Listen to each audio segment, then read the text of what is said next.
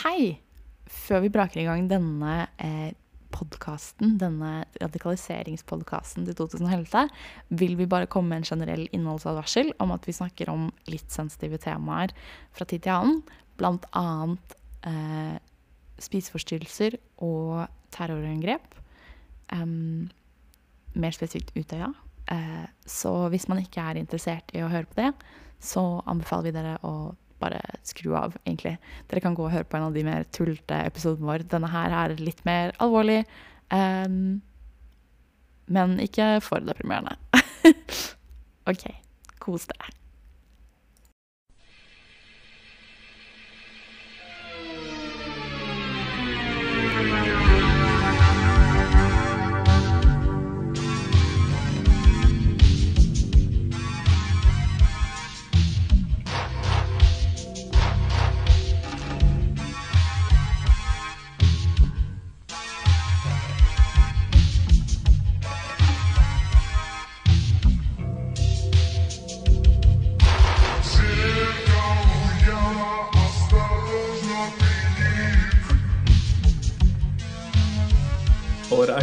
Skal jeg starte på det? Jeg kan gjøre det. Du forteller ordet som står foran. Året er 1997. I Gudbrandsdalen? Spørsmålstegn? Nei, OK. Eller jo da, men sånn spes... Det er litt sånn contested om eh, Lillehammer er en del av Gudbrandsdalen eller ikke. ok. Nedre Gudbrandsdalen? Nei. Sure. Um, fødes en, eh, en liten babyboy up at Lillehammer sykehus. Yeah. Spørsmålstegn? Um, og her sitter vi 20 og noen år senere, snart 24 år senere, og ser på en mann i svart hettegenser med et rødt kommunistflagg bak seg.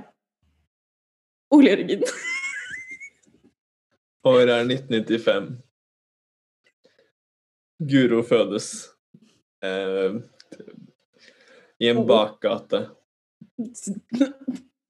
Um, True. 25 år senere så ser vi henne sitte med kosedyr. It all makes perfect sense to me. Hanna, kommentarer. Kom igjen. Vittige kommentarer. Nei, Jeg skal fortelle min egen. 1997. Ah. OK, hør nå.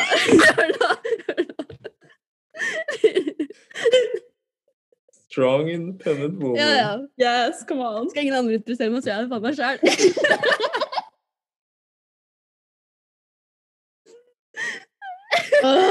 OK. 1997.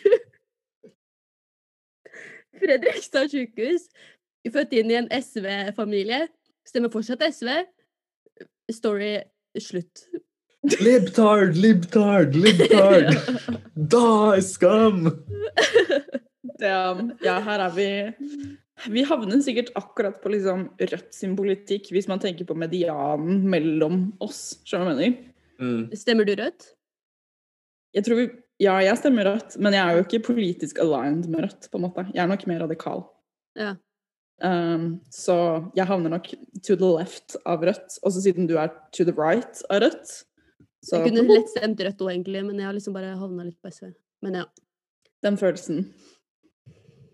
Jeg vet ikke om jeg vil stemme. Damn! Han har hvorfor, kommet. Ja, kom igjen. For jeg har egentlig lyst til å legitimere systemet som gjør at vi undertrykker de fattigste landene i verden. Mm. Um, further explained av måten vi nå går inn i uh, Er det Natos sikkerhetsråd? Um, som hovedland, eller whatever man kaller det, og har jobbet aktivt uh, mot at fattige land skal få covid-vaksiner billig.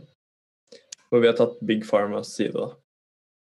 Det er på en måte ikke noe min stemme kan gjøre noe med, fordi vår political alignment til USA og stormakter eh, i Vesten Mhm. ikke kommer til å endre. Ja. thoughts?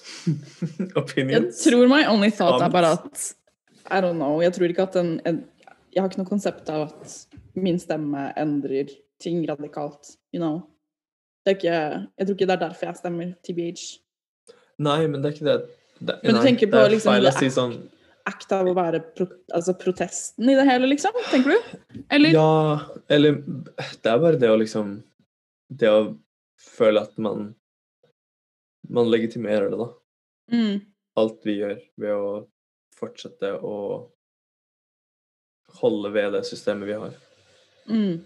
Og da tenker du også at å stemme rødt liksom ikke er godt nok, på en måte? Eller hva? Ja, fordi Fordi det er sånn De vil jo gjerne jobbe fra, fra innsiden. Mm. Mens jeg mener at det er Sånn som med de protestene vi hadde i Oslo for, eh, for noen måneder siden, da hele BLM-greia ble internasjonal. um, så føler jeg at vi hadde viktigere samtaler enn vi noen gang har hatt i samfunnet i Norge. Og det er noe Rødt aldri kommer til å klare å liksom alene gjennom parti sette på dagsorden. Mm. Men hvordan liksom tenker du sånn eh, Eller hva er liksom ditt ønske for på en måte sånn Hva vil du jobbe for, da, hvis du skjønner sånn for Norge slash liksom verden, hvis du skjønner? Um, jeg har jo veldig lyst til at vi skal ut av Nato. Det er sånn mitt første sånn Mm. Kanskje Mm. min største sånn Er det noe kall det en hot take. Eh, Oh my god. eh, Kan jeg bare si sånn i to sekunder at jeg håper du kan bli med i den der lille Det er en sånn liten gruppe som er sånn nei til Nato-folk innafor Rødt. Og de er de funniest yeah. babesene noensinne. De er, no, altså, de er noen iconic hoes, og jeg tenker du ville slid right the fuck in. Men det er bare noe med det å være sånn anti-Nato i et parti som er i, på Stortinget. Ja, ja. sånn Jeg skjønner. jeg There's a skjønner disconnect. Mhm. Og den disconnecten er det mange andre i partiet som føler hardt, let me tell you. Det tror jeg på. Ja. Men eh, jeg ser den. Sorry, det var ikke meningen å avbryte. Jeg bare husket veldig godt fra sånn noen Rødt-møter med folk som alltid tok opp Nato-spørsmålet. Og typ sånn nesten gamle menn som står der og gråter og er sånn 'Vi må ut av Nato!' Og så er man sånn 'You go, babe'. Ja, nei, det er Fordi sånn Det er jo veldig vanskelig å få folk til å innse, med mindre de har opplevd det selv, innse hvor deeply ingrained eh, rasisme er i det norske samfunnet også. Og klasseproblematikken vi har her, og alt det der. Så jeg, føler at det er liksom enklere å ta en litt mer sånn internasjonal solidaritetsvinkel på det. Det var jo på en måte SV sin strategi når de begynte også å være anti-Nato, fordi man så at det var enklere å argumentere for sånn Hvis det er atomkrig, så er vi plutselig med på det, og da må vi krige mot land som mest sannsynlig bare blir ødelagt. Mm. Mm. Vi, de har på en måte hva, hva skal de svare USA med, liksom? Mm. Um, og det er jo det som er, det er jo Nato som er delvis grunnen til at vi ble med i Afghanistan da 9-11 skjedde, og alt det der. Så jeg ble bare sånn Mm. Det er på en måte den, det steget jeg sliter mest med å ta, fordi en del av meg er jo sånn Ja, men vi trenger Rødt på Stortinget. Men Mm. en annen del av meg er sånn Vi trenger Rødt utenfor Stortinget også. Ja. Og Ja, du, men- men kan du ikke liksom begge deler være en ting, eller? Jo da. Fordi folk føler jo men fortsatt at det, å stemme rødt er liksom veldig radikalt. Det er jo kjempemange som føler liksom, at de fortsatt nesten Ja. blir gjort narr av. Så de kommer jo aldri til å være liksom, eller aldri er feil ord, men ikke nå, til å være sånn super liksom tatt nesten seriøs type, hvis du skjønner. Mm. Sånn Mm. sett er det jo liksom begge deler. Ja. Det er bare sånn Det man ser da når eh, Rødt fremmer et forslag, er at sånn de må, de må gjøre kompromisser, kompromisser kom, det ordet, Fuck knows. Oh my God, jeg husker jeg sa det Jeg sa kompromisser. Eller kompromiss. til en som delte lokaler med deg jeg jobbet før, som var advokat. Og han, og han bare 'Kompromiss?' Og jeg bare oh, Fuck deg, da! Piece of shit. Jeg har fucking studert litt fransk, jeg òg, da, din jævla døttunge. Ikke kom her. OK. Men ja. Les Miserables. Ja, fy faen, la meg bare Altså, når man snakker norsk, så kan man faen meg uttale ting på norsk òg, OK? Trenger ikke komme noe French bourgeoisie-shit inn i dette språket her. Ok, ikke for å være en French bourgeois idiot, men at du sier bourgeoisie hver gang du skal si det ordet, er bare sånn Du må bøye det. I will never. I love saying it. Du er sånn oh, bourgeoisie. Absolutely. It's so Men det er mye funny. morsommere å si, å si bourgeois. Det høres mye du- dustere ut, skjønner du mener, når man snakker engelsk. Sure. I don't know. Jeg har ikke noen komment på det, annet enn at jeg syns det er gøy å si bourgeoisie. det er en veldig sånn, det er en klang i det som ingen kan matche, ass. Bourgeoisie, let's make that a bourgeois no. Mm, agreed. I guess. Okay. Ja, nei, det er mine initial thoughts. Så kan vi gå litt mer inn på hvordan man endte opp med å være her senere. Men hva er deres Mm. posisjon i dag Gro. på, på partipolitikk, På først og fremst, da, kanskje? Ja, nei, jeg har ikke så mye I don't know. Jeg tror at på et lokalt nivå så har det en effekt, åpenbart. Jeg tror ikke det nødvendigvis har en stor effekt, effekt på et internasjonalt nivå. Og jeg tror egentlig nesten ikke Altså sånn Jeg vet ikke, jeg. Uh, jeg altså Hvis jeg skulle sluttet å stemme, så hadde jeg ikke sluttet å stemme f.eks. kommunevalg. Hvis du skjønner hva mener. Fordi kommunevalg har så ekstremt mye å si for hvordan ditt nærmiljø opererer, på en måte. Og Ja. budsjetter til lokale ting osv. osv. Som på en måte ikke har den samme rollen som eh, nasjonal politikk har. Jeg, tror, jeg kommer fortsatt til å stemme i nasjonale valg, men, eh, men sånn Jeg tror nok jeg syns at kommunevalget er enda viktigere, på en måte.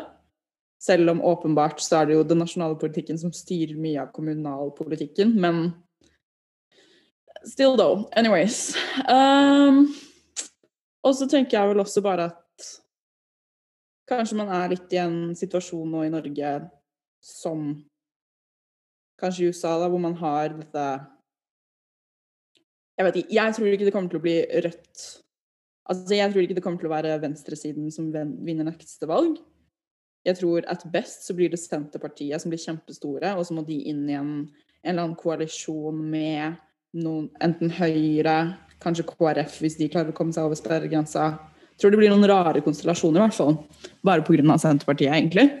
Um, og jeg I don't know. Uavhengig av det, så tror jeg bare at det kommer probably ikke til å Ingen av de har jo noen på en måte ambisjoner verken internasjonalt eller nasjonalt med å gjøre noe med klasseforskjeller, på en måte. Eh, så jeg tror det blir veldig mye choo-choo training down the same old lane. Probably kanskje mer privatisering, men også Jeg er veldig spent på å se hvis Senterpartiet får den høye oppslutningen de får, hva de kommer til å gjøre med på en måte sentraliseringspolitikken til Høyre, holdt jeg på å si. Mm. Om de Mm. kommer til å ha noe å få gjort der. Uh, personlig politisk så er jeg nok er jeg åpenbart en revolusjonær kommunist. Som ikke havner noe sted, egentlig, på, på det partipolitiske. Så jeg, jeg føler at for meg så er partipolitikk det er veldig litt sånn Andre har sport, jeg har det. Skjønner du hva jeg mener? Det blir nesten sånn, selv om det er jo åpenbart mer alvorlig enn effektene på en måte sport kan ha, da. Så føles det litt som det samme med at det er noe jeg spekulerer i, det er noe jeg syns er interessant å følge med på. Det er som en hobby. Mens mine personlige politiske steder er jo liksom Altså, det er ingenting Jeg finner ikke de diskusjonene jeg er interessert i å ha i liksom eh, politikken i Norge i dag. De finner jeg i mine egne forum, på en måte.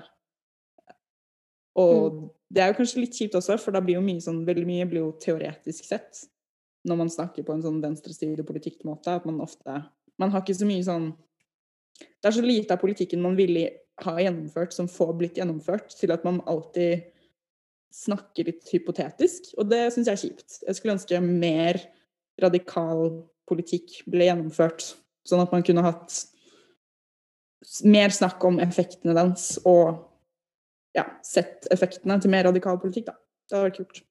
Men I Mm. don't think we're there.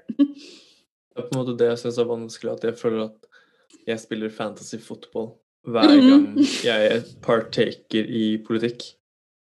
Um, sånn rent direkte. Mm. Eh, og det, det som gjør det vanskelig for meg, er, er eh, at jeg, jeg har jo veldig lyst til at vi skal ta inn så mange flyktninger som overhodet mulig. Um, og det vet jeg jo at er sånn Det må man gå gjennom systemet for å liksom få pusha frem nå.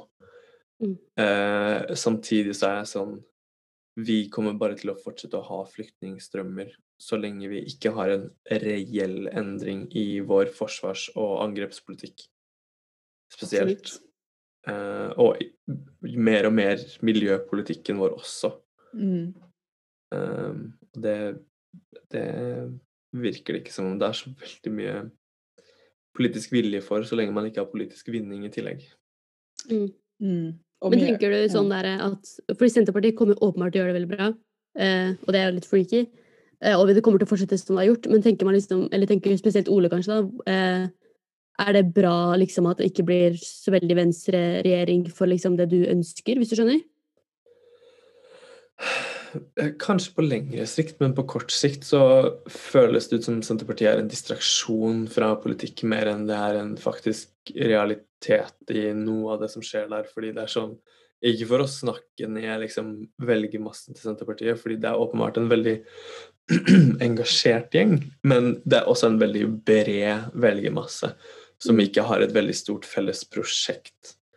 Um, mange av de um, virker for meg som folk som ser ting som skjer rundt seg, og velger politikk deretter, som jo er noe man har full grunn til å måtte gjøre, og liksom Det er jo helt legitimt, det, liksom, men det aligner ikke så veldig godt opp mot mine politiske eh, håp, egentlig.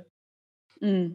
Um, Er det ikke ganske mange som har hoppet litt av Frp og sånn, bare rent pga. sentralisering og Jeg vet ikke. De som bor i mindre kommuner i Norge, da, har jo åpenbart fått kanskje større forskjeller enn det vi her i byen klarer å sette oss inn i. Um, Det er det. Akkurat sentralisering er liksom så sykt bredt sånn rent politisk fordi man jo vil ha mer og mer selvstyre mm, i området man bor.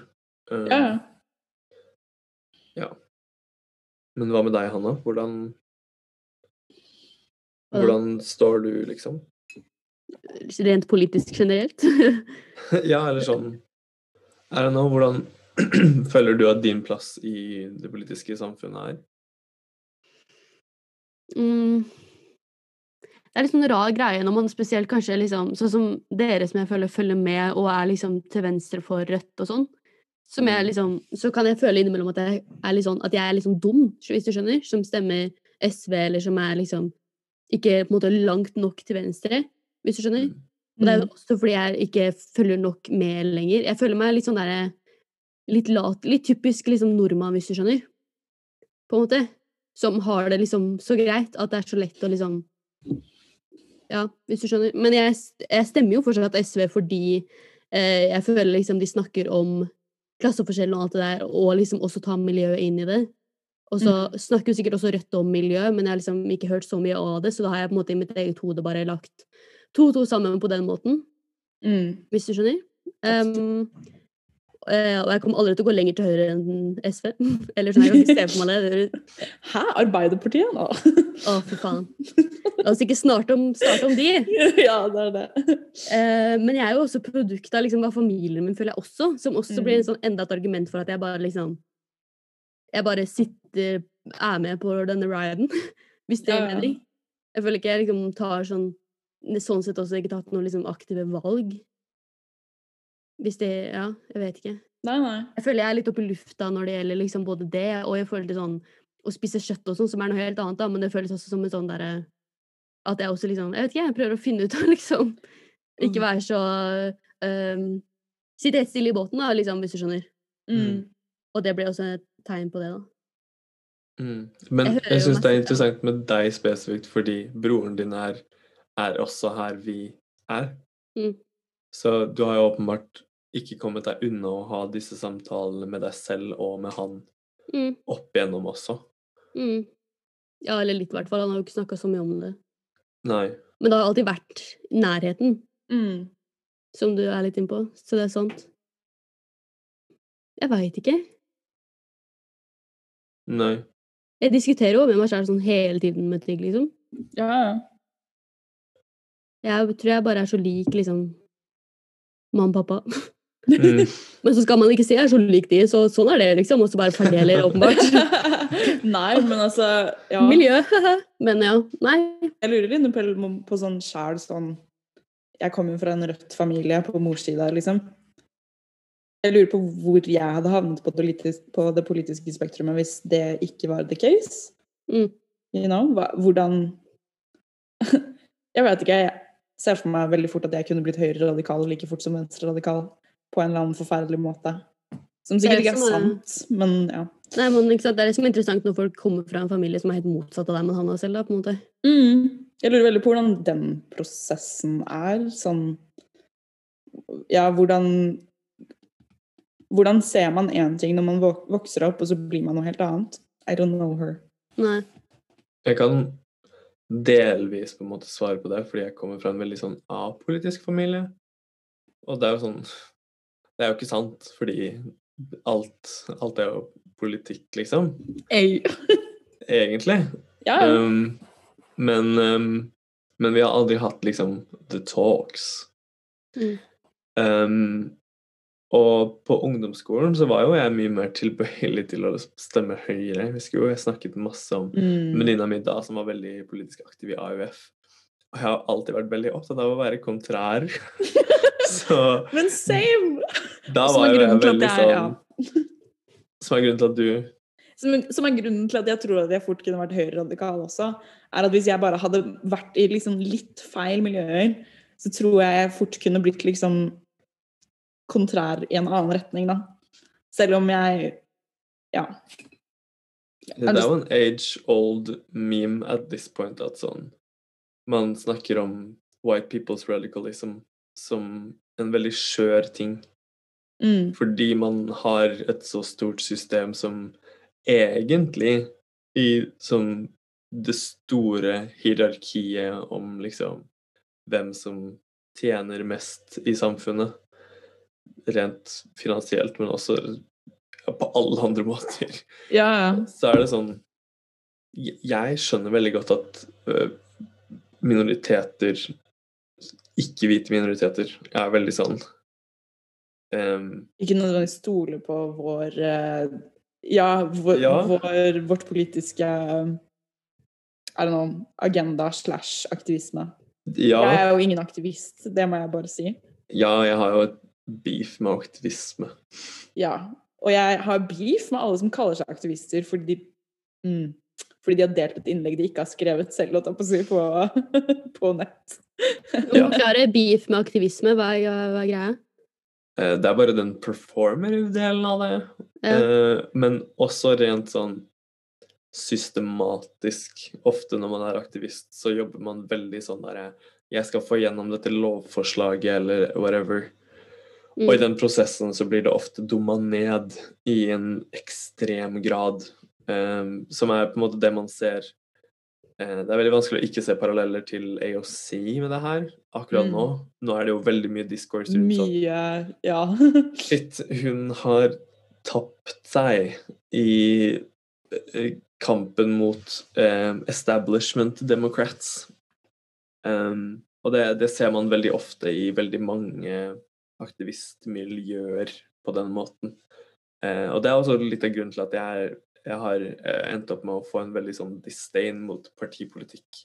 Mm. Fordi det, det, den effekten ser man i, eh, i så godt som alle tilfeller hvor man jobber mot, eh, mot systemet. At eh, Ja, ja. blir dumma ned og gjort om til andre ting enn det det starta som, av som regel minoritetspersoner. Det er det. Mm. Det. Det skal liksom vannes ut ganger tusen, på en måte. Før det får gjennomslag. I, ja. Før det blir spiselig for andre. Det er jo Kan det ikke det være på. også litt fordi folk liksom ikke klarer å graspe så mye? Eller sånn Det er det også veldig mye discourse rundt om sånn eh, Bare sånn Hvordan man snakker om de tingene vi, vi vil gjennomføre. Hvordan gjør man det accessible Mm. eh, på en måte hvor alle, spesielt da working class-folk, kan eh, forstå linjene man prøver å trekke. Fordi man vil jo på en måte ikke snakke til dem som om de er dumme, men man vil heller ikke eh, gjøre disse samtalene helt eh, umulig å komme inn, inn på og forstå. Ja. Um, ja. mm. Det, det, er, det er en linje man alltid sliter veldig mye med å Bare når vi snakker om det nå, hvordan, hvordan snakker jeg om dette her på en måte som gjør at, at alle kan forstå hvordan man ender opp der man er, og man ikke liksom snakker over hodet på noen og sånn. Mm. Ja, Det er veldig da føler vanskelig. seg dumme, så blir man jo sint fort, liksom. Det vet man jo at da blir man jo Men det, er liksom mer sånn Eller jeg bare lurer på sånn Hva liksom i de miljøene man snakker om at blir på en måte det man burde gjøre, eller riktig å gjøre, eller sånn når man går utenom partipolitikken, for da går man med en gang utenfor det alle liksom kjenner til, Mm. eh, Mm. på en måte. Og da ble jeg med en gang sånn Å ja, men hvordan Hva tenker dere liksom hvordan man eh, Ja, hvordan jobber man liksom da? Oh, For det blir Case veldig by mye sånn der Ja, for det blir Ja, ganske mye sånn det er at ikke gjør det og ikke gjør det, og ikke kall deg aktivist og ikke gjør sånn. Så det blir mye sånn ikke, høres det litt ut som, Mm, sant? mm, Og det gir ja. mening, det er ikke det. Men da må man samtidig eller kanskje liksom Eller for at jeg i hvert fall skal graspe det, så må det også være sånn Hva skal man gjøre, på en måte? litt. Ja. Mm. Jeg vet ikke hva Ja. Og det er jo den store styrken til høyresiden. De har enkle retoriske eh, ting de kan bygge på. De har Mm. egentlig eh, en veldig enkel ideologi. Um, Egoisme er jo enkleste måten å Ja. jobbe på det, liksom. Det er jo greit, Ja, det, men, Men og Og de bygger også også på egen- samfunnet man, man bor i, og det. eh, Ja, beskriver ja. det som det beste. Uh, og med en gang man må gå utenfor det man kjenner, så er det jo vanskeligere å relatere til, selvfølgelig. mm. Så det, det, det er jo mye som jobber mot en med en Ja. gang. men, Men det også liksom snakker de ingen jo måter å også ja, om Jeg bare tenker på sånn De snakker jo også om sin egen politikk som noe den ikke er. You know? Ja, Altså sånn de de, de, de, de beskriver en eller annen utopi som ikke eksisterer, og veldig mange fordeler for folkene som hører på dem, som ikke, ikke er Mm. sanne. Så det er jo Ja. Det er literally en marketing De er bare mye bedre på marketing. Fordi Ja. de gjør alle de gode, gamle marketingstrategiene, som er straight up lie, baby. mm. Mhm. Og pynt på sannheten. Og Beklag deg og ikke be om aksept. ja da. Mm. Så Men I don't know. Det, det er også Jeg tror ikke at sånn det å gå gjennom partipolitikk ikke har noen effekt at all, men jeg tror nok man må ha mer radikal endring på en eller annen måte. Men personlig så klarer jeg på en måte ikke se for meg det skje Altså jeg tror man liksom må ha en folkebevegelse som er ganske stor, da. Og så ikke nødvendigvis at den skal være nasjonalt, altså landsdekkende, men, men at man har på en måte folkegrupper som står sammen og på en måte bare sier fuck off på en eller annen måte. At man organiserer seg, rett og slett. Man må organisere seg på et lokalt nivå som kan bli et nasjonalt nivå. Eh, litt sånn à la det man kanskje ser eh, Som kanskje skjer mer i USA enn i Norge, med både at man har liksom større community centers og denne type ting som på en måte aktivt jobber mot det som skjer i politikken. Eller under demonstrasjonene også, hvor fort folk klarte å organisere små tiltak for folk. Jeg tror det er veldig viktig, da. Den, den lokale organiseringa. I don't know. Mm. Um, men jeg tror men så det som igjen da kanskje er motspørsmålet, er sånn ja, OK, men de store nasjonene har jo De har jo alt militærvåpen. Altså, det er ingenting å Vi har no arm power på noe som helst måte. Man ser jo hva som skjer. Man blir Altså, vi Jeg som Jeg blir ikke plaffa ned. Men, eh, men eh, svarte folk i USA blir det. Andre land hvor USA kommer inn og dreper eh, de som prøver å skaffe et godt land for seg sjæl. You know, altså sånn, ja. England og Tyskland sier steng grensene, Hellas. Vi orker ikke flere flyktninger nå. Det er det. Og da må, som om Hellas For det første som om Hellas har et system som fungerer for folk som bor der allerede, og har muligheten til å få gjennom få flyktninger relokert i ordentlige forhold. Men Mm. det var jo ikke tilfeldig at uh, flyktningleirer som den i Moria Brant, brant ned. Det, Nei, nei, nei. dette er jo villet politikk. Og det er det jeg syns er så vanskelig med å, med å engage i det, at jeg, jeg vet jo at um, gjennom det systemet vi har i dag, så får vi sånne situasjoner. Mm. Absolutt. Mm. Og så, men så hvordan motvirker man det, da? Det er liksom det Det er det. Det er, det er en så jævla svær maskin, på en måte. Det er det. Og hvis sånn som de som er nå i flyktningleirer, da. Det kommer alltid til å være folk, åpenbart, men akkurat nå Det er jo liksom pressing issue. Og det Mm. kommer ikke til å skje noe hvis ikke det er partipolitisk, sånn som ting er nå. Føler jeg, da. Nei. Mm. Eller, for da måtte man jo bare Eller ja, altså, ja. Jeg tror ikke man får noe radikal systemendring gjennom partipolitikk på noe som helst måte. Det har man Det- aldri gjort historisk heller. Nei, det Eller tror det jeg har man bare gjort bare på høyresiden fordi systemet er er rigget på for dem, på en måte. Eller det er rigget liksom, for dem, ja. Ja, ja. Det føles jo Eh. ikke som verden er i en sånn eh, eh, liksom nærheten av en skikkelig venstre-radikal liksom, bølge heller. Det har jo vært høyre-radikalt fra fra det helvete. Men det er så interessant, fordi man har jo veldig mye av det spesifikt i Mellom- og Sør-Amerika. Mm, Der er det sant. veldig sterke eh, venstreorienterte liksom, bevegelser som tar regjeringer, tar eh, eh, private områder til eget eie, Mm. eller til felleseie, da. um, og liksom man, man gjør veldig store strides der hele tiden. Eh, og de er så sykt flinke på De er så effektive hver gang. Mm. Um, de, Hva er det de har gjort for å få til det? da? Det blir jo på en måte spørsmålet. det, er, det er det, da. At sånn, de, de har jo bare gjort akkurat det samme som oss, men vært i en posisjon hvor USA på en måte har gått imot dem. Mm. Det er litt vanskeligere Sånn som eh, Sånn i Midtøsten så har du på en måte Du har ledere i mange land i Midtøsten som er direkte satt inn av USA. Ja. Og selv om de ikke er direkte satt inn i Norge, så er de indirekte det. Fordi gjennom systemet så må du ha en sterk tilknytning til USA. Gjennom Mm. Nato, gjennom EU, gjennom, gjennom literally alle eh, internasjonale samarbeid vi har. Eh, gjennom FN. FN er et veldig godt eksempel på en, på en neoliberal organisasjon som på en måte i teorien skal hjelpe, men som i praksis fungerer som enda en arm for USA. Absolutt. Så det er bare sånn, det er, det er så mye større enn partipolitikken, samtidig som det er partipolitikken man må endre. Mm. En ting jeg satt og tenkte på, var sånn Jeg føler at mye Et av de største problemene også er at man overarbeider folket. Til den grad at man ikke har kapasitet til å engasjere seg politisk. Altså, man jobber eh, 40 timers uker her i Norge, og så jobber man mye mer i andre land hvor man har det verre, og egentlig har mer grunn til å skulle gjøre ja, Mm.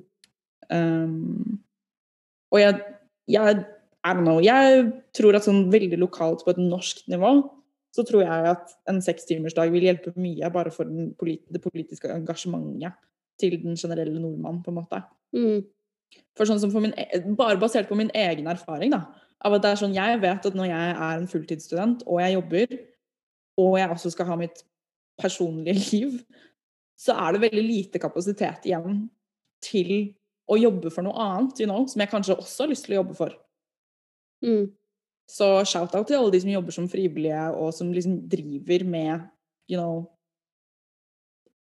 Den, Den organiseringen. Den organiseringen som jeg veldig, veldig gjerne vil ha, men som jeg ser at jeg er sånn shit, OK, men da må det spise av en av de tre andre. Det kan ikke spise av studiet mitt, det kan ikke spise av jobben min, fordi de trenger jeg for å på en måte overleve, da. Mm. eh, økonomisk. Og Og er det sånn psykisk så trenger man et personlig liv. Og psykisk så trenger jeg å ha venner, og jeg trenger å ha et sosialt samvære som ikke nødvendigvis er politikk, da. Mm. Mm. Eller som ikke er nødvendigvis er arbeid, på en måte. Og det går jo ikke opp, you know. Um, og også bare det generelle økonomiske stresset veldig mange er under, tror jeg også gjør at altså, åpenbart leder til større psykiske utfordringer. Mental, psykisk Ja. Eh, som igjen gjør at man ikke har ressurser. Man har ikke ressurser til å dele av seg sjæl til andre. Fordi man blir på en måte spist opp av det økonomiske systemet vi lever i. Mm. I don't know, jeg tror at det å få økonomisk stabilitet for flere vil kanskje også fostre opp under mer politisk engasjement, maybe. Eller at man har ja, større rom. Men det kan også gå veldig andre vei, sånn som i Det kan jo det. da. Gå til apati sånn- Det er det. Man har Mm. sånn over lengre tid sett at klasseskillet i USA har blitt Det er så enormt, liksom. ja. Um, som nå legger til rette for at sånn nå, nå har man ikke noe å tape lenger. Fordi nå mistet folk jobb i hopetall, de mistet inntekt, og de hadde masse tid. Mm. Så det ja, var en perfect culmination av sånn Nå har vi mulighet å, å på en måte Gjøre noe. et valg eh, enn å liksom gå i gatene og være pissed og vise det. Mm. Um, mens i Norge så har man, har man liksom alle sikkerhetsnett som eksisterer Ja, ja. på grunn av vår kolonisering av olje i verden. Yes. Um, som gjør at jeg blir sånn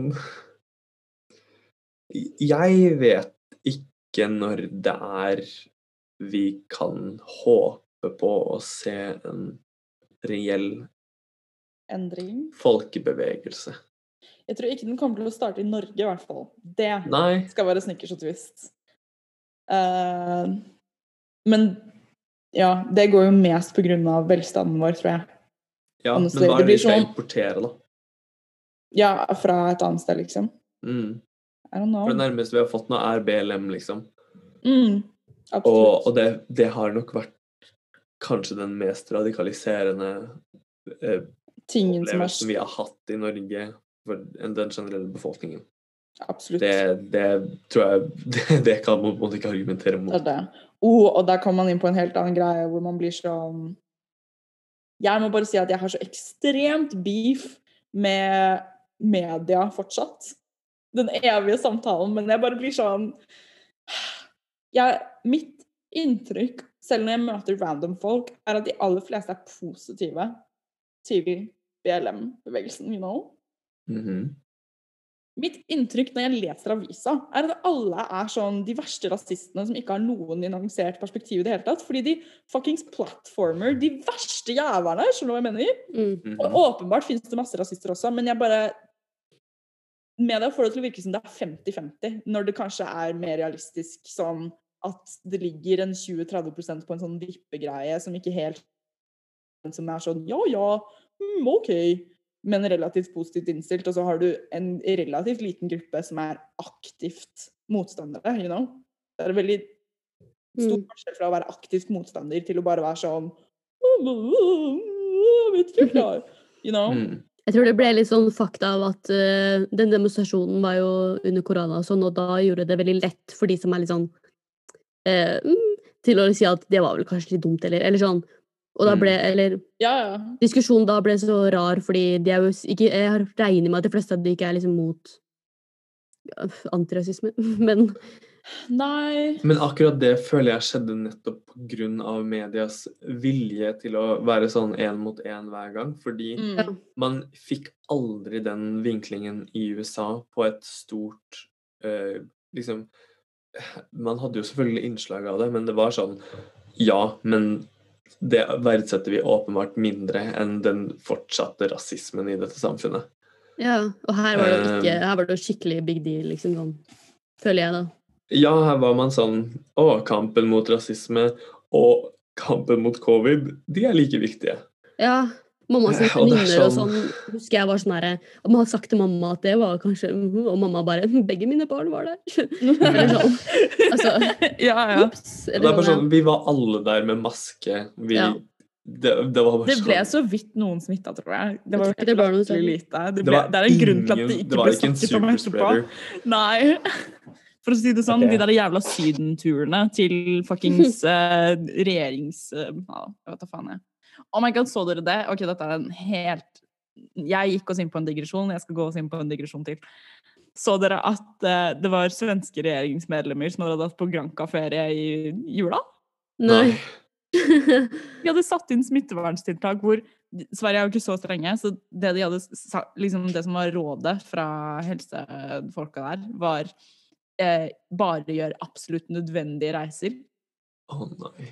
Og så hadde typ sånn han som var sånn ansvarlig for helse, mm, something, something, dratt på en deilig Granca-ferie.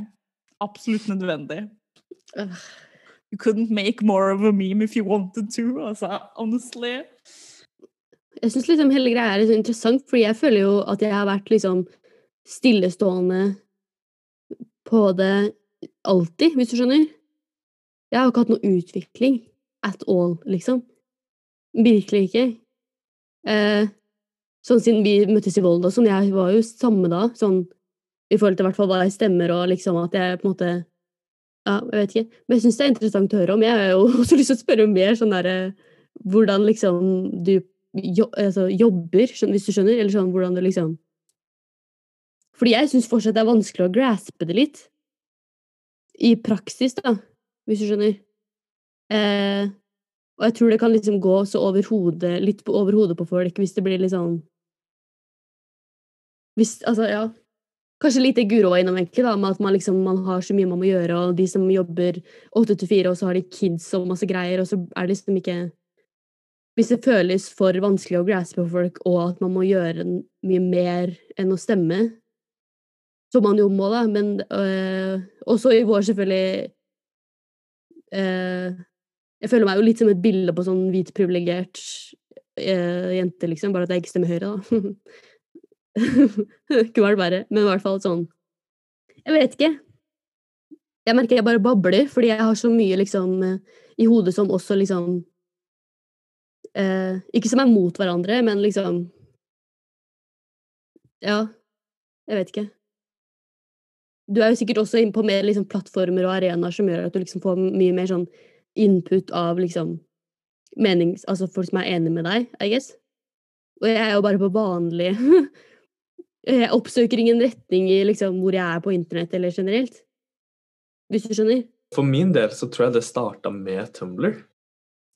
Same. I hvert fall Ja, jo, jo, jo. jo. Jeg var aldri på Tumblr. RIP. Mm. Ja. Ja, nei. For jeg, holdt, jeg var også litt sånn som egentlig var en høyre-bitch i sånn 10. klasse, 1. klasse videregående. Mm. Og før det var jeg Eller jeg var ganske apolitisk, liksom. Jeg tror jeg stemte Jeg stemte Arbeiderpartiet i skolevalget i 2011. Mhm. Det var jo to år før jeg kunne egentlig stemme. Mm. Um, og da var det, I guess, solidarity to my Utøya babes. Ja, sant det. I don't know. Ja, ja. Um, og så tror jeg vi hadde skolevalg på ungdomsskolen også, men jeg husker ikke hva jeg stemte der. Sikkert noe lø. Men, um, men uansett, da. Og jeg husker at jeg gikk jo på videregående med veldig mange rødt bitches. Men da var jeg veldig kontrær igjen, så da var jeg, var jeg ikke så fan, da. um, mye fordi jeg bare ikke I don't fucking know why heller, for å være helt ærlig. Jeg tror ikke jeg har noen spesiell grunn for det. Kanskje jeg bare ikke hadde vært nok på Tumblr ennå. Fordi jeg tror Så kom 2012, og jeg var på Tumblr masse, masse, masse, masse, masse, masse, masse. Mm. Fra sånn, ja, slutten av 2011 til 2013 Starten ish. 2013. Ja, og 2013 var jo mitt første valg, valg mm. og da stemte jeg jo rødt. Uh, så der, det året der, fra jeg stemte Ap og egentlig lente meg mot Høyre i 2011, gå gjennom hele 2012 Tumbler var på sitt peak i 2012-2013, I guess. Mm. I don't really know. Det kommer an på når man var der. Men jeg føler at det var liksom de virkelige formene årene for meg. Og litt etterpå også. Eh, men man er jo også Eller det, det som er så rart, er at man har jo ikke nødvendigvis beveget seg i de samme Tumblr-miljøene. Men likevel så føler jeg at veldig mange har opplevd derfra. Mm. Som Jeg tror ikke du og jeg Ole Jørgen, har vært på de samme Tumblr, liksom I don't know, Kanskje, kanskje noe overlappende, men, men likevel så føler jeg at veldig mange som var på Tumblr i den perioden, fikk opp de samtalene foran seg likevel. Kanskje bare for å gi litt kontekst, da, så var det Tumblr gikk gjennom en radikaliseringsperiode for seg selv, liksom. Det startet jo med at det bare var et veldig sånn hotspot for gays and queers in the making. Så young queer teens. Um, og så var det jo noen av de litt eldre. Det var ofte de jeg føler jeg følte, som var kanskje sånn tre-fire år eldre enn meg. Og som snakket veldig mye om sånn f.eks. kjønnsidentitet, og de snakket om eh, legning, og de snakket om det på, måte, på andre måter enn det jeg noensinne hadde lært om, da. Som var liksom veldig mye med det konseptet at det er mer flytende, du har flere kjønnsidentiteter enn bare eh, mann og kvinne, du har eh, flere legninger enn homo, ikke homo. You know, altså Ja. Det var veldig mange samtaler om spesielt kjønn og seksuell identitet som var veldig formende for hvilke miljøer jeg hang i, i hvert fall. Uh, men som også I don't know, I guess at alle de også var typ sånn venstre-radikale folk, kinda. Så tok det jo en liten overboard turn da når de plutselig begynte med noen veldig Et av de største memene om Tumblr er jo at de plutselig begynte å det plutselig begynte å være miljøer som var sånn Yes, pedofili og tapsi skal inn i the queer umbrella.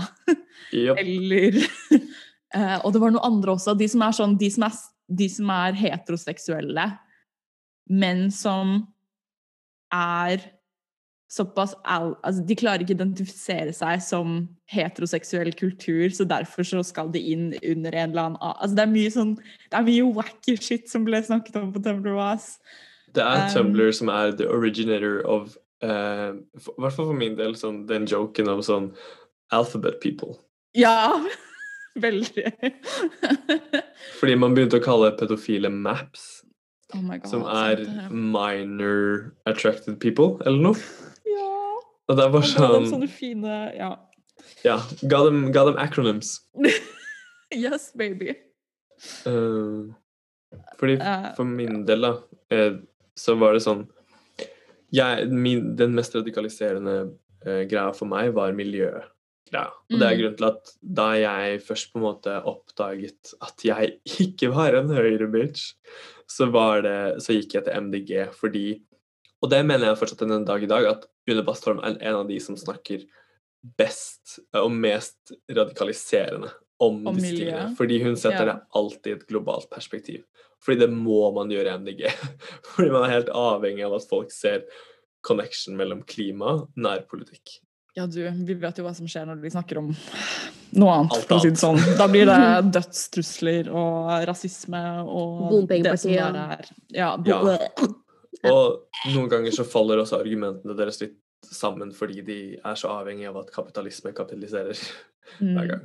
Eh, men på Tumblr så, så fant jeg veldig mange samtaler om eh, Eller eh, egentlig bilder av realiteten ved klimaendringer.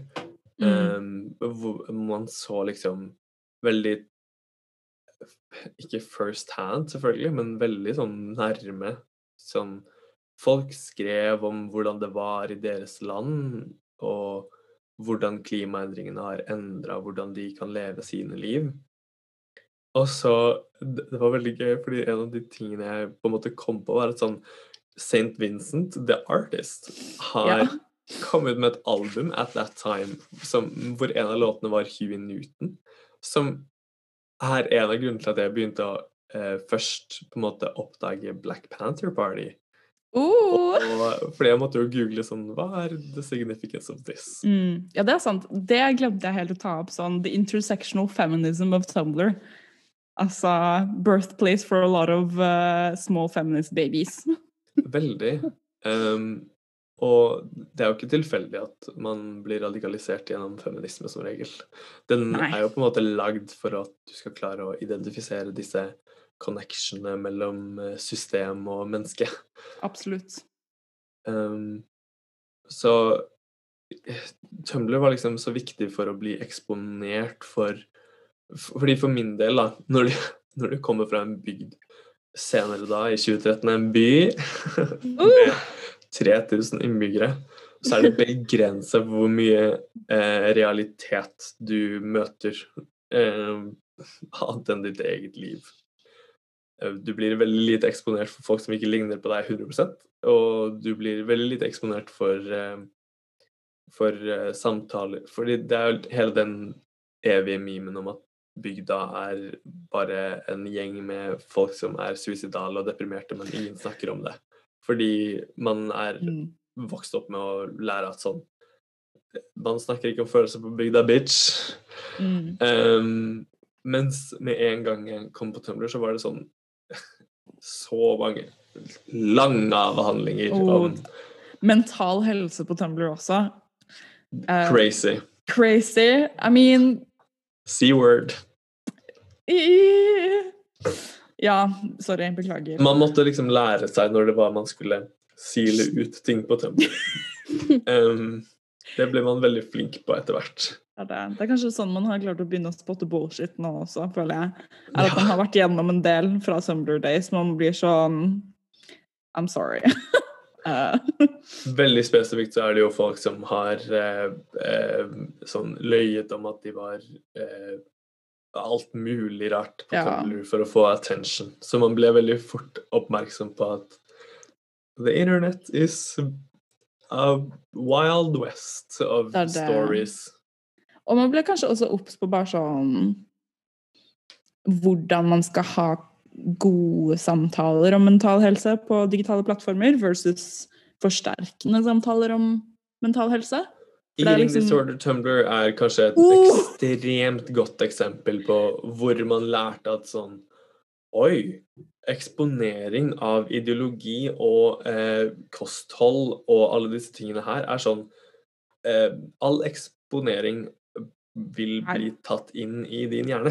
Det, du kommer ikke unna det. Det er en Mm. grunn til at en av mine største memes blant mine venninner er at når vi kaller eh, Instagrammer, altså folks personlige Instagrammer, I'm very sorry for this, men når man kaller de Proana Og Proana er sånn det er jo, altså, Jeg innser jo at ikke alle vet hva Proana er. Eh, fordi de ikke har vært på Proana Tumblers back in the days. Og Proana er basically pro-anoreksi. Ok, Så vi må legge inn en trigger warning før denne fuckings episoden. Ja, yes.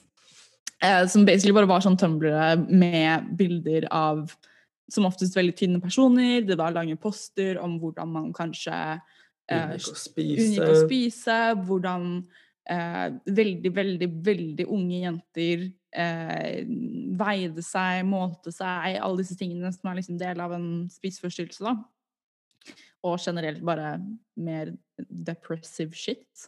Som jeg funny, fordi jeg tror det var en NRK-artikkel for et par år siden som var sånn Se her er disse Instagrammene som eh, eh, unge jenter følger, som har masse tynne folk på seg.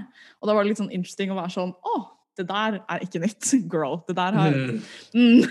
Det har eksistert i mange tiår, probably, før Tumblr også, um, på andre forum. Um, men anyways, ja. Hvis vi kaller noen Basically, hvis vi ser noen som er lurking, noen som pro-Ana aesthetics, we will call them out sweeties behind your back. er det en call-out hvis man ikke gjør det til en person? Nei, man kan jo bare unfollowe de. Og jeg vet at en venninne av meg har innimellom skrevet sånn 'please stop' Mm. til, på et par accounts. Men det er jo fordi hun har gått gjennom det selv, så hun var sånn don't. Det er jo det man må gjøre. Mm, Um, men det er veldig interessant bare fordi sånn, alle disse tingene henger så sykt sammen. Man jeg, jeg føler at grunnen til at man ofte liksom ender opp med å føle at man står fast her, er fordi jeg, hadde også liksom mest sannsynlig vært der jeg var på ungdomsskolen, hvis jeg ikke måtte gå gjennom er- det som føltes som veldig store påkjenninger på meg som en ung person, å innse at sånn ting går inn på meg, og det er samtaler i samfunnet jeg aldri kommer til å være en del av, og bare må lytte til og forstå utenifra, til den grad det er mulig. Eh, ja, jeg, jeg vet ikke. Jeg klarer liksom ikke Jeg har ikke noen forklaring på hvorfor Hvorfor du, Hanna, føler at du på en måte står fast, mens jeg har vært gjennom en sånn eksponentiell radikaliseringskurve. Annet Mm. enn at jeg føler at jeg har blitt eksponert for det, og, og eksponert for det her så sykt tidlig. Mm. Ja. Men det det er interessant, da, fordi eller sånn, Der jeg føler dere også begge har liksom vært innom sånn eh, type Høyre, altså liksom andre partier. Jeg har aldri liksom vært inn, Jeg har liksom vært så på der jeg er nå, alltid.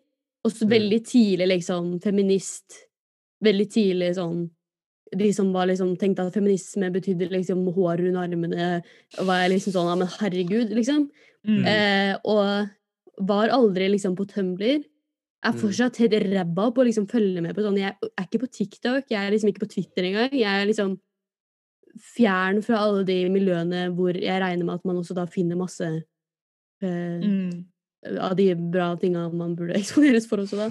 Men jeg har bare vært liksom bakpå på det, og liksom eh, Men jeg vet ikke Altså Men da, det er jo ikke så rart, da, for da har du på en måte alltid vært på riktig side. Så Ja, jeg føler at det, på en måte har jeg alltid vært på riktig, men da har det også blitt ikke sant, stillestående at det ikke har blitt noe mer. Mens dere har liksom gått fra her til her, mens jeg har liksom bare vært her, da. Mm. Eller nå, ja, herlig å si her til her, og så er det podkast, men i hvert fall. men, hvert Fra fall. én side til den andre. men det, er inter det er rart, eller interessant om det har liksom med sånn type internettplattformer å gjøre, at jeg har blitt Eller har jeg ikke oppsøkt de fordi jeg allerede har liksom Altså Nei, det gir jo ikke mening, det heller. Jeg vet ikke, for jeg liksom Jeg tror at den største faktoren til at jeg har oppsøkt det, har vært uh, fordi jeg er skeiv.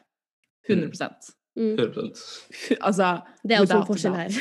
Ja, Ja. nettopp. Straight over here. Eh, jeg hadde aldri vært på Tumblr hadde ikke vært for at jeg åpenbart hadde noen spørsmål å stille rundt meg selv da jeg var eh, 14, 15, 16. Mm. Og det er sånn, kanskje- de spørsmålene visste man ikke at man hadde. Det er Før man nettopp var det. Ja, ja. Det er veldig fascinerende da hvor man bare var sånn Nei, jeg liker å lese alle disse tingene her. Og så er det sånn Åh, oh, you stupid bitch. Nei da. Mhm. Men jeg føler meg Um, samtidig liksom ikke eh, lukka på sånn herre Nei, jeg er der jeg skal være for alltid, jeg nå. Så jeg er liksom jeg er åpen for Jeg føler i Mm. hvert fall det, da. Og så kan man sikkert diskutere om liksom ting jeg gjør, eller sånn At jeg ikke viser initiativ selv til å være åpen for det, hvis du skjønner. Men Mm. -hmm. jeg føler jo ikke liksom jeg er sånn anti på en måte en endring som er bedre for eh, alle klasser i verden, liksom. Mm. Men eh, ja, det føles som om jeg liksom ikke er der hvor det skjer. Naturlig. Ja, men skjønner du? Fordi jeg ikke er på Twitter Ja, ja. og ikke er på liksom og det, Når dere snakker om masse sånn Tumblr-samfunn, jeg bare jeg har ikke- en dritt liksom eh, forhold til det, da. Nei, nei. Uh, og da er det, har det ikke vært naturlig å gå over til der hvor det har flytta seg til, da, som kan ha vært liksom Twitter eller whatever. Mm. Uh, er det, har åpenbart vært sånn Tumblr, ja. så Twitter, så TikTok og Twitter nå. Det er de som er den gode symbiosen at moment. ja, ikke det sant? Det er jo ikke, ja. Det er jo litt synd at man skal måtte liksom oppsøke det, da, hvis du skjønner hva jeg mener. Altså, jeg syns ikke det er positivt at du må ha vært en del av obskure nettsamfunn. Ikke så obskure, da, men på Altså Relativt sett så har jo ikke alle hengt på Tumblr og Twitter og TikTok like stor grad som det vi har, da, kanskje. Og det må jo prefaces at dette her er jo en, en white people thing i mange Absolutely. tilfeller. Sånn minoritetspersoner, andre enn Lever skeive, lever dette livet. Mens vi bare syns det er interessant lektyre. Nei, jeg ikke det. Mm. Ja, Um, men det, ja, det føles det, det er på en måte det jeg syns er vanskeligst med akkurat den partipolitikken igjen. Da. Sånn, mm. jeg føler at å, jeg har så immens privilege i at jeg klarer å se underholdning i det. Ja, ja, Fordi det, det er sånn Without a doubt. Mm. Ja. Det, um, men det er kjipt at man skal liksom um, Måtte gå veldig inn for å oppsøke info selv, da. I don't know. Ja, jeg vet ikke. For det spørsmålet mitt da blir jo liksom Må man det? Eller sånn hvor kan liksom Mm. Fordi jeg kommer ikke til å liksom orke å være på masse sosiale plattformer fordi psyken min er ikke liksom ja. bygd for det. Men det er Mm. jo Jeg kan heller ikke si sånn Nei, jeg orker ikke psykisk. Og det gjør at jeg da ikke uh, eh, involverer meg, eller sånn engasjerer meg. på en mm, måte. Jeg vil jo ikke bruke det som en sånn derre Stakkars meg-type ting heller. mm. Men hvis det er liksom Ja. Jeg vet ikke. Men det er på en måte litt sånn det er med radikalisering også, da. Sånn, noen folk er receptive to it, og I don't know, det er Jeg syns det er eh, interessant, men også litt, litt skummelt, sånn hvordan min skeivhet gjør meg receptive til radikalisering. Mm. Mm. Ja, På en rar måte. jo, men 100% Det er litt sånn når du, når du ser et samfunn som veldig åpenbart eh, ikke har et direkte problem med meg, men folk jeg da kan direkte identifisere meg med, mm. så, så er det enklere å, å søke andre svar enn det samfunnet enn man samfunnet er i. man er i. Mm. Det, er det. det blir ikke så vanskelig å være mot storsamfunnet. Selv om på en måte det norske storsamfunnet hater ikke akkurat white gays, liksom. Men, men likevel så er det mm, Ja, jeg har jo sett folk som Eller forhold som meg, det jeg har, alltid overalt, liksom. Så det er jo ikke så veldig rart at liksom man blir sånn mm. er det, det er jo masse mikroting som skjer som er man kanskje ikke tenker så aktivt over, an- som ikke nødvendigvis er sånn burn all the gays, liksom. Men Mm. som gjør at man Ja. faktisk så er jo på en måte uh, Vi må ha en trigger warning til om sånn Fordi sånn eh, Realiteten er jo da at Utøya var en ekstremt sånn stor påkjenning fordi det var liksom en av de første gangene i mitt liv at jeg var sånn Oi, shit, vi har, vi har folk som aktivt hater en gruppe mennesker så hardt at de er villige til å drepe dem. Mm. Um, det, det er liksom vanskelig å, for meg å se for meg en situasjon hvor jeg ikke ender opp med å ha indre samtaler om hva det betyr for meg og min identitet og min plass i samfunnet. eh, når jeg Mm. vet at det sitter folk som på en måte tenker ikke nødvendigvis direkte det samme om gay people, men, men, men faktisk tenker noe av det samme, og Mm. i enkelte kulturer og enkelte deler av, av det norske samfunnet også er sånn Ja, dette her er Dette er også ikke greit på samme måte. Ja, ja. Ja, men det kan jeg si meg enig i. Det er Det kanskje et godt poeng. Sånn, jeg føler liksom når, når det skjedde, så var det så veldig åpenbart sjokkerende, men det var ikke sånn der himmelfallent for meg heller, liksom. Fordi verden har vært fucka så lenge at liksom Så jeg er nesten blitt sånn apatisk til det, kanskje. Men også det du sier da, med at liksom noen kan hate noen som er annerledes så mye. Jeg tror liksom Mm. Jeg har jo aldri følt meg liksom annerledes enn noen, hvis, på en måte. Mm. Nei. I vårt liksom sam- Altså, ja, dere skjønner hva jeg mener med det. Ja, i storsamfunnet, liksom. det liksom. fins jo Det er det. I storsamfunnet, liksom. Ja, i norsk storsamfunn, da, I guess. Åpenbart Mm. finnes det nyanser, men de fleste er jo fortsatt som meg, I guess. Mm. Og den type greia med at liksom ah, traff jo ikke sånn, da, så det er kanskje sånn sett er det liksom også Det er det. et poeng, da. Ja, jeg hadde en veldig stor Altså Akkurat det året Utøya skjedde, det var jo da jeg begynte på videregående. Og da gikk jeg jo fra Fordi jeg er en private school bitch, så gikk jeg fra å gå fra på St. Sunniva til å gå på Oslo by skole. Som er to veldig forskjellige skoler, selv om de begge to er privatskoler. Fordi Oslo by Steinerskole, altså, eller Steinerskolen, kulturen rundt Steinerskolen generelt, er jo ekstremt for det første hvit, og for det andre ganske rik. Mens eh, katolikker er ikke nødvendigvis det. Det er ikke deres eh, Altså i hvert fall ikke i Norge, da. Andre steder så er de kanskje hvite og rike. Men, eh, Men jeg vet ikke, jeg, føler bare at i oppveksten min så har det vært ganske mange samtaler om rasisme og sånne ting, fordi jeg har gått på en skole som har en ganske stor andel personer som ikke er hvite.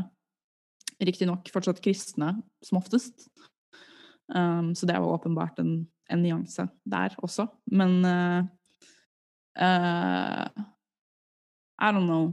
Jeg vet ikke hva, helt hvordan jeg kobler det opp mot Utøya, men jeg tror ikke jeg var veldig sjokkert, Mm. egentlig. Jeg tror jeg var sånn ah, yes. mhm, Mm. this, Dette er nok ganske representativt for en del folk. Um, Mm. Og det går jo kanskje litt på bare sånn Ting man opplever når man er yngre, da. You know. Jeg tror man skal være ganske dum i hodet hvis man ikke legger merke til selv som barn at man blir behandlet annerledes enn vennene sine, eksempel. Mm. Basert på hudfarge. Um, I hvert fall er det noe jeg føler jeg har opplevd mye da jeg var yngre. Og også bare hvordan familien min reagerte på noen venner versus andre venner.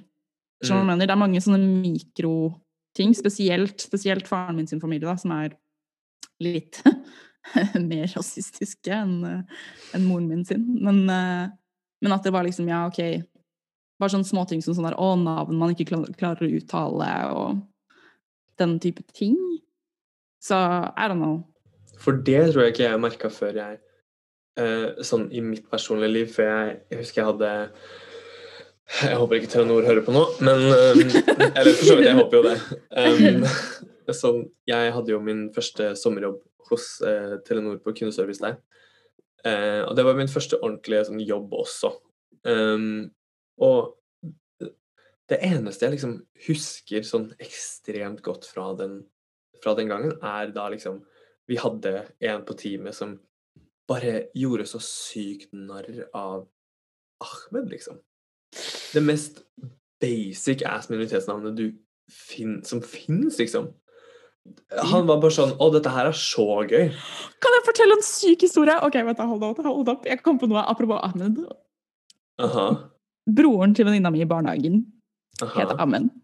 Aha. Jeg gikk på barnehage på Romsås, og så begynte jeg på katolsk skole. Hadde aldri, Familien min er ikke kristen i det hele tatt. Jeg hadde aldri blitt eksponert til kristendom før jeg begynte på en katolsk skole.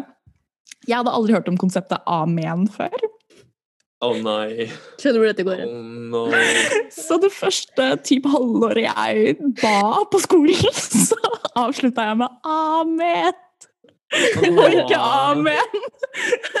For jeg lærte at det var amen fordi noen hørte meg og var sånn Hva faen, Guro, hva er det du sier? Og jeg bare De bare «Hæ, amen. blasfemi. ja. OK, sorry, det kom jeg på nå. That was a yeah, forgotten memory. Please continue. Nei, det var ikke så mye mer enn det. Altså. Det var også en av kanskje de første radikaliserende opplevelsene jeg hadde hvor jeg var sånn Å, shit, fo- folk er der! Ja, ja. For Mm. selv sånn Vi hadde jo liksom Vinstra er jo på en måte en eh, Det har vært en god Jeg tror det har vært sånn tre-fire asylmottak, ulike asylmottak gjennom oppveksten min der. Så vi hadde Da eh, hele liksom Afghanistan begynte, så fikk vi ganske mange afghanske flyktninger til Vinstra. Mm. Og det, det fikk jeg åpenbart liksom eh, oppleve eh, på barneskolen. Men I don't know, det var liksom før jeg Det var jo ingen, ingen av våre lærere som på en måte hadde noen form for vokabular til å snakke om om hvordan man opplever et samfunn på som annerledes på noe som helst nivå. Fordi man bare regna med at sånn Hvor annerledes kan du være? I don't know. ja, ja. Det er det. Så det var på en måte ikke Ja, det Det er jo ja, det er bare fordi jeg er hvit at jeg på en måte aldri har måttet eh, stille spørsmålstegn ved en veldig sånn direkte For jeg er jo ekstremt straight passing. Det er jeg jo veldig klar over i eh, ulike miljøer, selvfølgelig. Jeg tror ikke jeg hadde passet som straight for fucking second rundt Guro. Men rundt straight people så vet jeg at jeg er ekstremt straight passing. Mm. Og så jeg har på en måte aldri måttet uh, stille spørsmålstegn ved det, om folk om, uh, behandler meg annerledes av noe ved min personlighet annet enn uh, ved positive ting. Fordi jeg ofte bare har fått høre liksom positive ting selv. Mm. Så jeg måtte liksom oppleve andres hurt før jeg Før jeg skjønte at sånn Oi, shit, dette her er Dette er realiteten for så mange. Mm. hun var er Ja, helt, Ja, helt crazy på et nivå, men også selvfølgelig i mening. Det gjør jo det. Det jeg syns er fascinerende, er Det er veldig fascinerende for meg hvordan man kan gå rundt i samfunnet og komplett ignorere den type sånn microaggression som skjer on the daily. Mhm. Sånn, ikke at jeg legger merke til alle, men jeg tror jeg legger merke til de mest åpenbare. You know? Mhm. Um, og så har jeg jo blitt fortalt om mange andre ting som jeg kanskje ikke har skjønt sjøl heller. Men jeg bare For jeg føler at liksom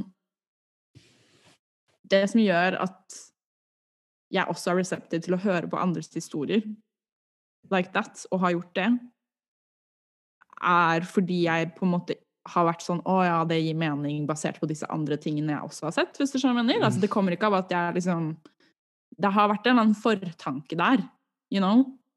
Som har skjedd før jeg hører historier om hvordan folk blir behandlet, hvor jeg tenker at ja, ja, herregud, I do believe it.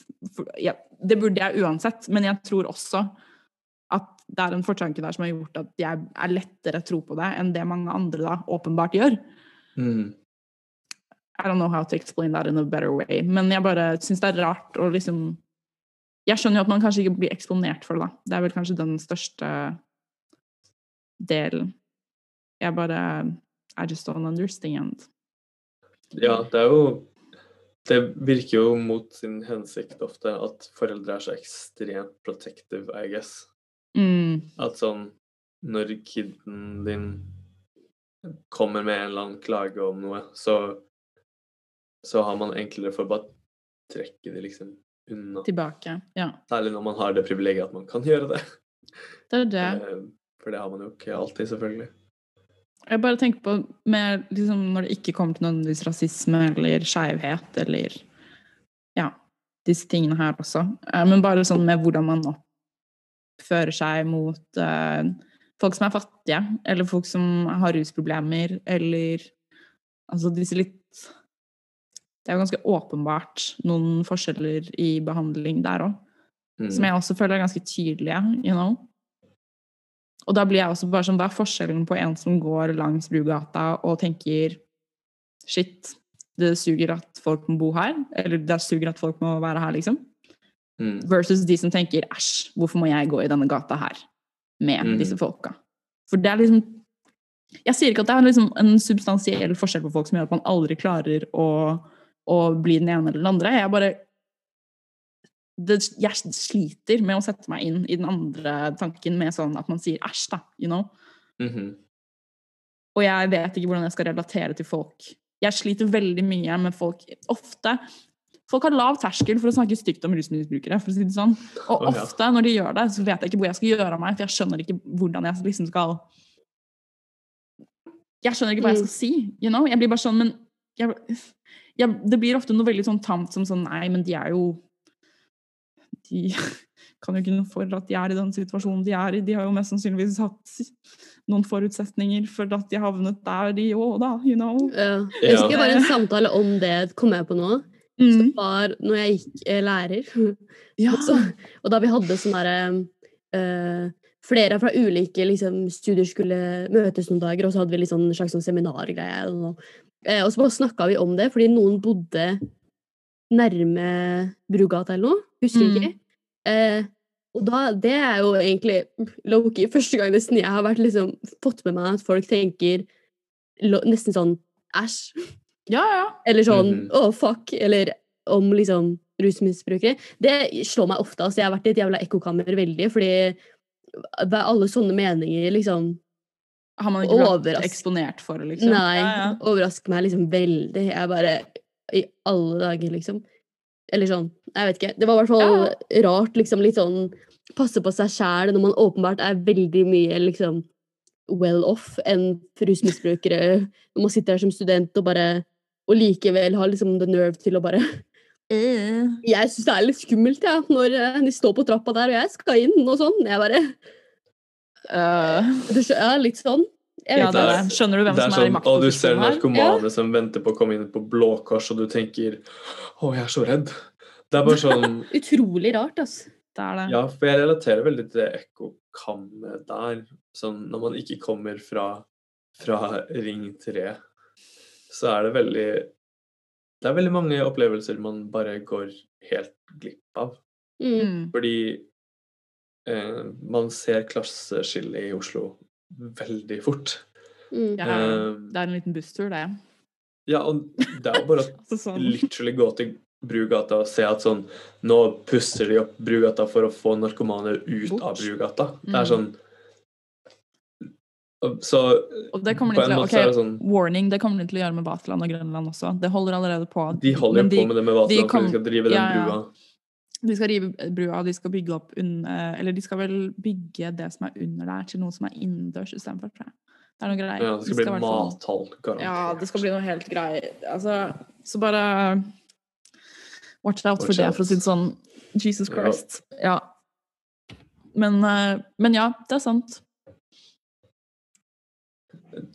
Eh, Ja, så det, det er sånn Det er så mange ting som gjør at man er både tidsmessig reseptiv og kulturelt personlig Alle disse tingene her som gjør at man kan bli radikalisert, da.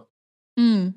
Um, og jeg syns det er veldig gøy, fordi man snakker om radikalisering på en veldig rar måte, fordi man alltid liksom connecter det til, til eh, spesifikt islam i media i Norge, da. Man er ekstremt quick på å være sånn Radikalisering er en rent negativ ting. Mm. Um, mens for meg så har radikalisering vært liksom noe av det fineste jeg har opplevd. Fordi jeg har aldri hatt så gode forvent eh, forutsetninger for å liksom kunne, kunne se andres ståsted før. Nei. Mm. Det er det. Man får jo håpe at liksom den radikaliseringen man går gjennom, gjør deg til et bedre medmenneske somehow, you know. I hvert fall, det er jo det som er målet med Ja. Mm. Med denne radikaliseringen. Med denne radikaliseringen. Ja, men det er jo det. Og da tenker jeg på liksom mer på et Altså mer enn bare på et personlig nivå, da, men at man prøver å være et bedre medmenneske med de man egentlig påvirker i Mm. livet sitt, uten at man er klar over det. Sånn, det er- hvem er det jeg påvirker ved å være deltakende i det norske samfunnet gjennom f.eks. den internasjonale politikken Norge fører? Mm. Eller eh, Og det går jo på også det jeg konsumerer, det jeg kler på meg, det jeg Altså Mm. Hele mitt liv påvirker så mange som jeg ikke har et kon konsept av at jeg påvirker, på en måte. Mm. Um, og målet er jo å være et bedre globalt medmenneske, på en måte. Mm. Mm. At man skal få et Ja.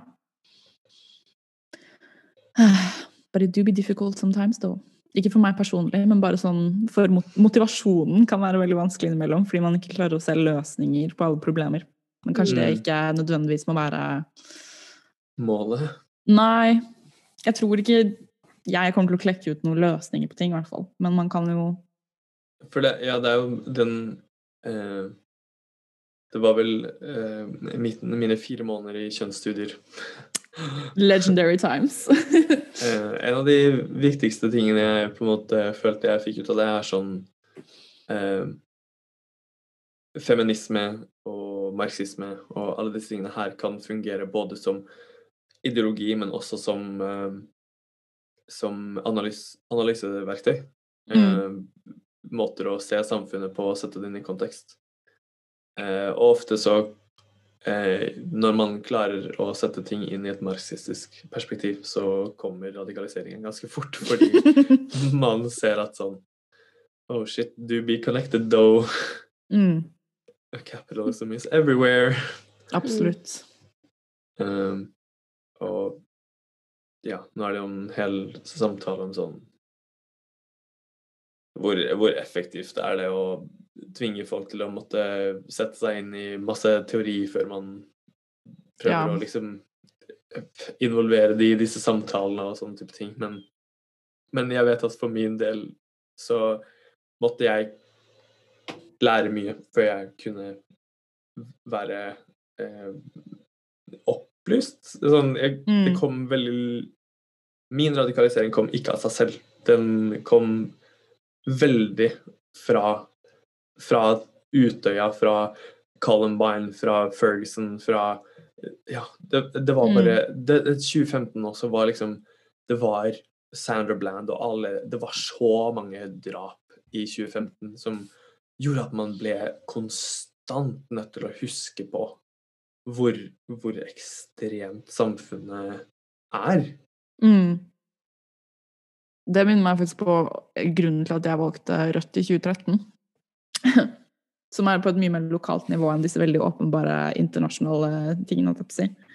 Eh, men det var også det året hvor uh, Bjørnar Moxnes ble anmeldt for å ha lekket eh, det resten av byrådet mente var personlig informasjon. Som var hva? Det er, jeg tror det het Lindes Something, something-saken. Det som skjedde, var at det var en sykepleier ansatt som ble fengslet or something. Han ble dømt og fengslet for overgrep på en innlagt pasient. Mhm. Og så viste det seg i dokumenter som byrådet fikk, at dette på en måte egentlig ikke stemte, men var noe som var fabrikkert av de som satt i sykehjemsledelsen. Oi. Og så lekket Bjørnar Moxnes det, som egentlig var sensurert info om at de hadde sensurert bort da, at dette egentlig ikke var hans virke. Det var ikke noe, han hadde ikke gjort det. Han var egentlig uskyldiggjort på, i de dokumentene. Mm. Eh, og da anmeldte byrådet han. Så det var jo rettssak. Og jeg tror det var bare, jeg tror lurer på om det bare var SV som stemte mot anmeldingen av Bjørnar Moxnes. Og det var et veldig stort radikaliseringsmoment for min del, hvor jeg var sånn OK, her ser man dem som beskytter seg sjæl, for å si det sånn. Det var vel før MDG var i byråd, bare sånn FYI også.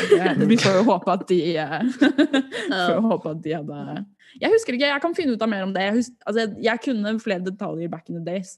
Men poenget var i hvert fall at det var et ekstremt godt eksempel på at byrådet som institusjon hadde mye større interesse av å beskytte seg selv fremfor eh, å beskytte en person, da, på en måte. Mm. Som jeg tror er et ganske vanlig fenomen blant de aller fleste sånne politiske organer også. Det er veldig Mm. selvbeskyttende organer. Og det tror jeg man, det syns jeg man ser også i ting som har hatt verre konsekvenser, på en måte. Um, med Jeg ville også sagt at Ferguson også, når du ser på en måte de nasjonale instansene gå ut og drepe sitt eget folk Det er jo en selvbudsjettelse på et helt insane nivå, på en måte. På et Ja. Mm. Ja, fordi ikke bare var det, ikke bare var det eh, at eh, Utøya skjedde, men også måten politiet Reagerte på. reagerte på det, i både da og i etterkant, og hvor hardt de har jobbet for å hindre befolkningen fra å vite hvor fucked Fuck, ja, det var ja. de, de liksom håndterte det på. Mm. Um, det var et veldig stort radikaliseringsmoment hvor jeg òg var sånn, forsto at sånn Oi, shit. For jeg, i 2013 så var jeg på en måte Jeg var ikke gammel nok til å ta inn over meg realiteten av verden ennå. Nei, nei. Det Ehm, men det, For det har jeg jo lest om mer i, mer i etterkant, om sånn Hvordan da Det var vel da Utøya-filmen kom. Den Ja. første, I guess. Den dere så på kino? I think. Mm. Det husker jeg Eh, veldig godt. Det tror jeg vi har en pod-episode om. Ja, det har vi. Wow, full circle. Um, uh, men det er jo på en måte det, da. Men jeg føler at vår radikaliseringsprosess eh, har dessverre, men også heldigvis, eh, skjedd mens vi hadde et, pauseår, typ, eh, fra denne podkasten her. Ja. Fordi eh, eh, jeg tror det hadde vært ekstremt mange rare, ubehagelige samtaler i den radikaliseringsprosessen der, fordi den Den skal jo altså, det er jo ikke sånn at det er en rett linje redd ned. Altså, det er sikkert mange av de tingene jeg har sittet og sagt i dag som jeg kommer til å være veldig uenig med, eller tenke at jeg er dumme om et par måneder. mm, Men det er jo hopefully Altså, Det er jo på en måte målet. positivt. Ja, det er Ja. det. Det er jo bra. jeg skal jo alltid check myself, you know, before I wreck myself. Um, Mm. Eller egentlig check yourself after. Mm. Check yourself, then wreck yourself. Then wreck myself, ja. Og også bare sånn, jeg vet ikke Det som jeg også syns er litt vanskelig, er jeg merker det også selv nå når jeg snakker om en podkast, at jeg prøver å formulere meg godt, men så føler jeg på en måte at det også er litt sånn oh, I don't know. Jeg vet ikke hvor bra det alltid er heller, da. Nei. Og jeg tror ikke jeg får det til heller, for å være helt ærlig. Så jeg sier sikkert mye dust. Jeg føler jeg bare Jeg vet ikke. Jeg vet ikke hvor jeg skal avslutte når jeg begynner å snakke. Mm. Er det Jeg, eller om bare de tinga liksom, som jeg kan relatere til meg selv. Da. Jeg har jo bare hørt på det dere sier og sånt. Men eh, det blir bare surr, ass. det er det. Og så ofte bare tangents som ikke har noen poeng eller mening eller hva. ja. Mm. Men eh, Ja. Men ja. Alt er Jeg skulle jo ønske at vi var litt mer eh, litt mer strukturerte noen ganger, men eh, mm, så, så er det sånn Hvor relatable er det ikke, da? Bare det det. tre idioter som ikke klarer å komme til poenget. Ja, du. Jeg har lest særs lite teori. Jeg Jeg har fortsatt blitt radikalisert, baby! Er det Ja, men, eh, men faktisk, holdt jeg på å si. Um, man trenger bare lese The Cliff Notes, tenker jeg. Gi meg sammendraget av Baby. I'll read that. Cliff notes? Ok, det er et uttrykk du ikke har hørt. Footnotes? Nei, Cliff Notes. Hva er en cliff note? Jeg tror, Det er vel et uttrykk nå, men det var egentlig, jeg tror egentlig det var en nettside hvor du kunne få sammendrag av litterære verk man hadde i skole. Altså sånn bøker man skulle Mm. lese på skolen og sånn. Så hvis du leste The Cliffs Notes, så leste du basically bare essensen av innholdet på en måte Ja. i, uh, i boka, istedenfor å måtte lese bak i boka, liksom. Ja, bare litt mer detaljert, da. Hold Ja. up. ja. Study guides, book summaries, test Skjønner. preparation kommer når jeg googler Cliff Notes. Skjønner. Ja. Ja. Og det, ja, det er jo også noe man har fått gjennom YouTube, da. Veldig mange sånne derre sammensatte sånn her Dette her er dette konseptet i en ti minutters uh, compilation noen er ganger. det. Ja, shit, vi har ikke snakket om hvordan YouTube har radikalisert meg. Det har også vært en uh, en big driving faktor, men det går vel inn under det meste av sosiale medier. deres. Altså sånn, Ja. Hvem er det jeg har oppsøkt på sosiale medier og sånn? Men ja. ja. Wow. Det er en helt amazing sunset ute nå. Jeg vet ikke om dere legger merke til det? Nei. Ok. Jo, litt. Mm. Er det et tegn på at eh, Jeg tror vi burde runde av, ja. Mm. Questo è il fiore del partigiano morto per la libertà. Questo è il fiore del partigiano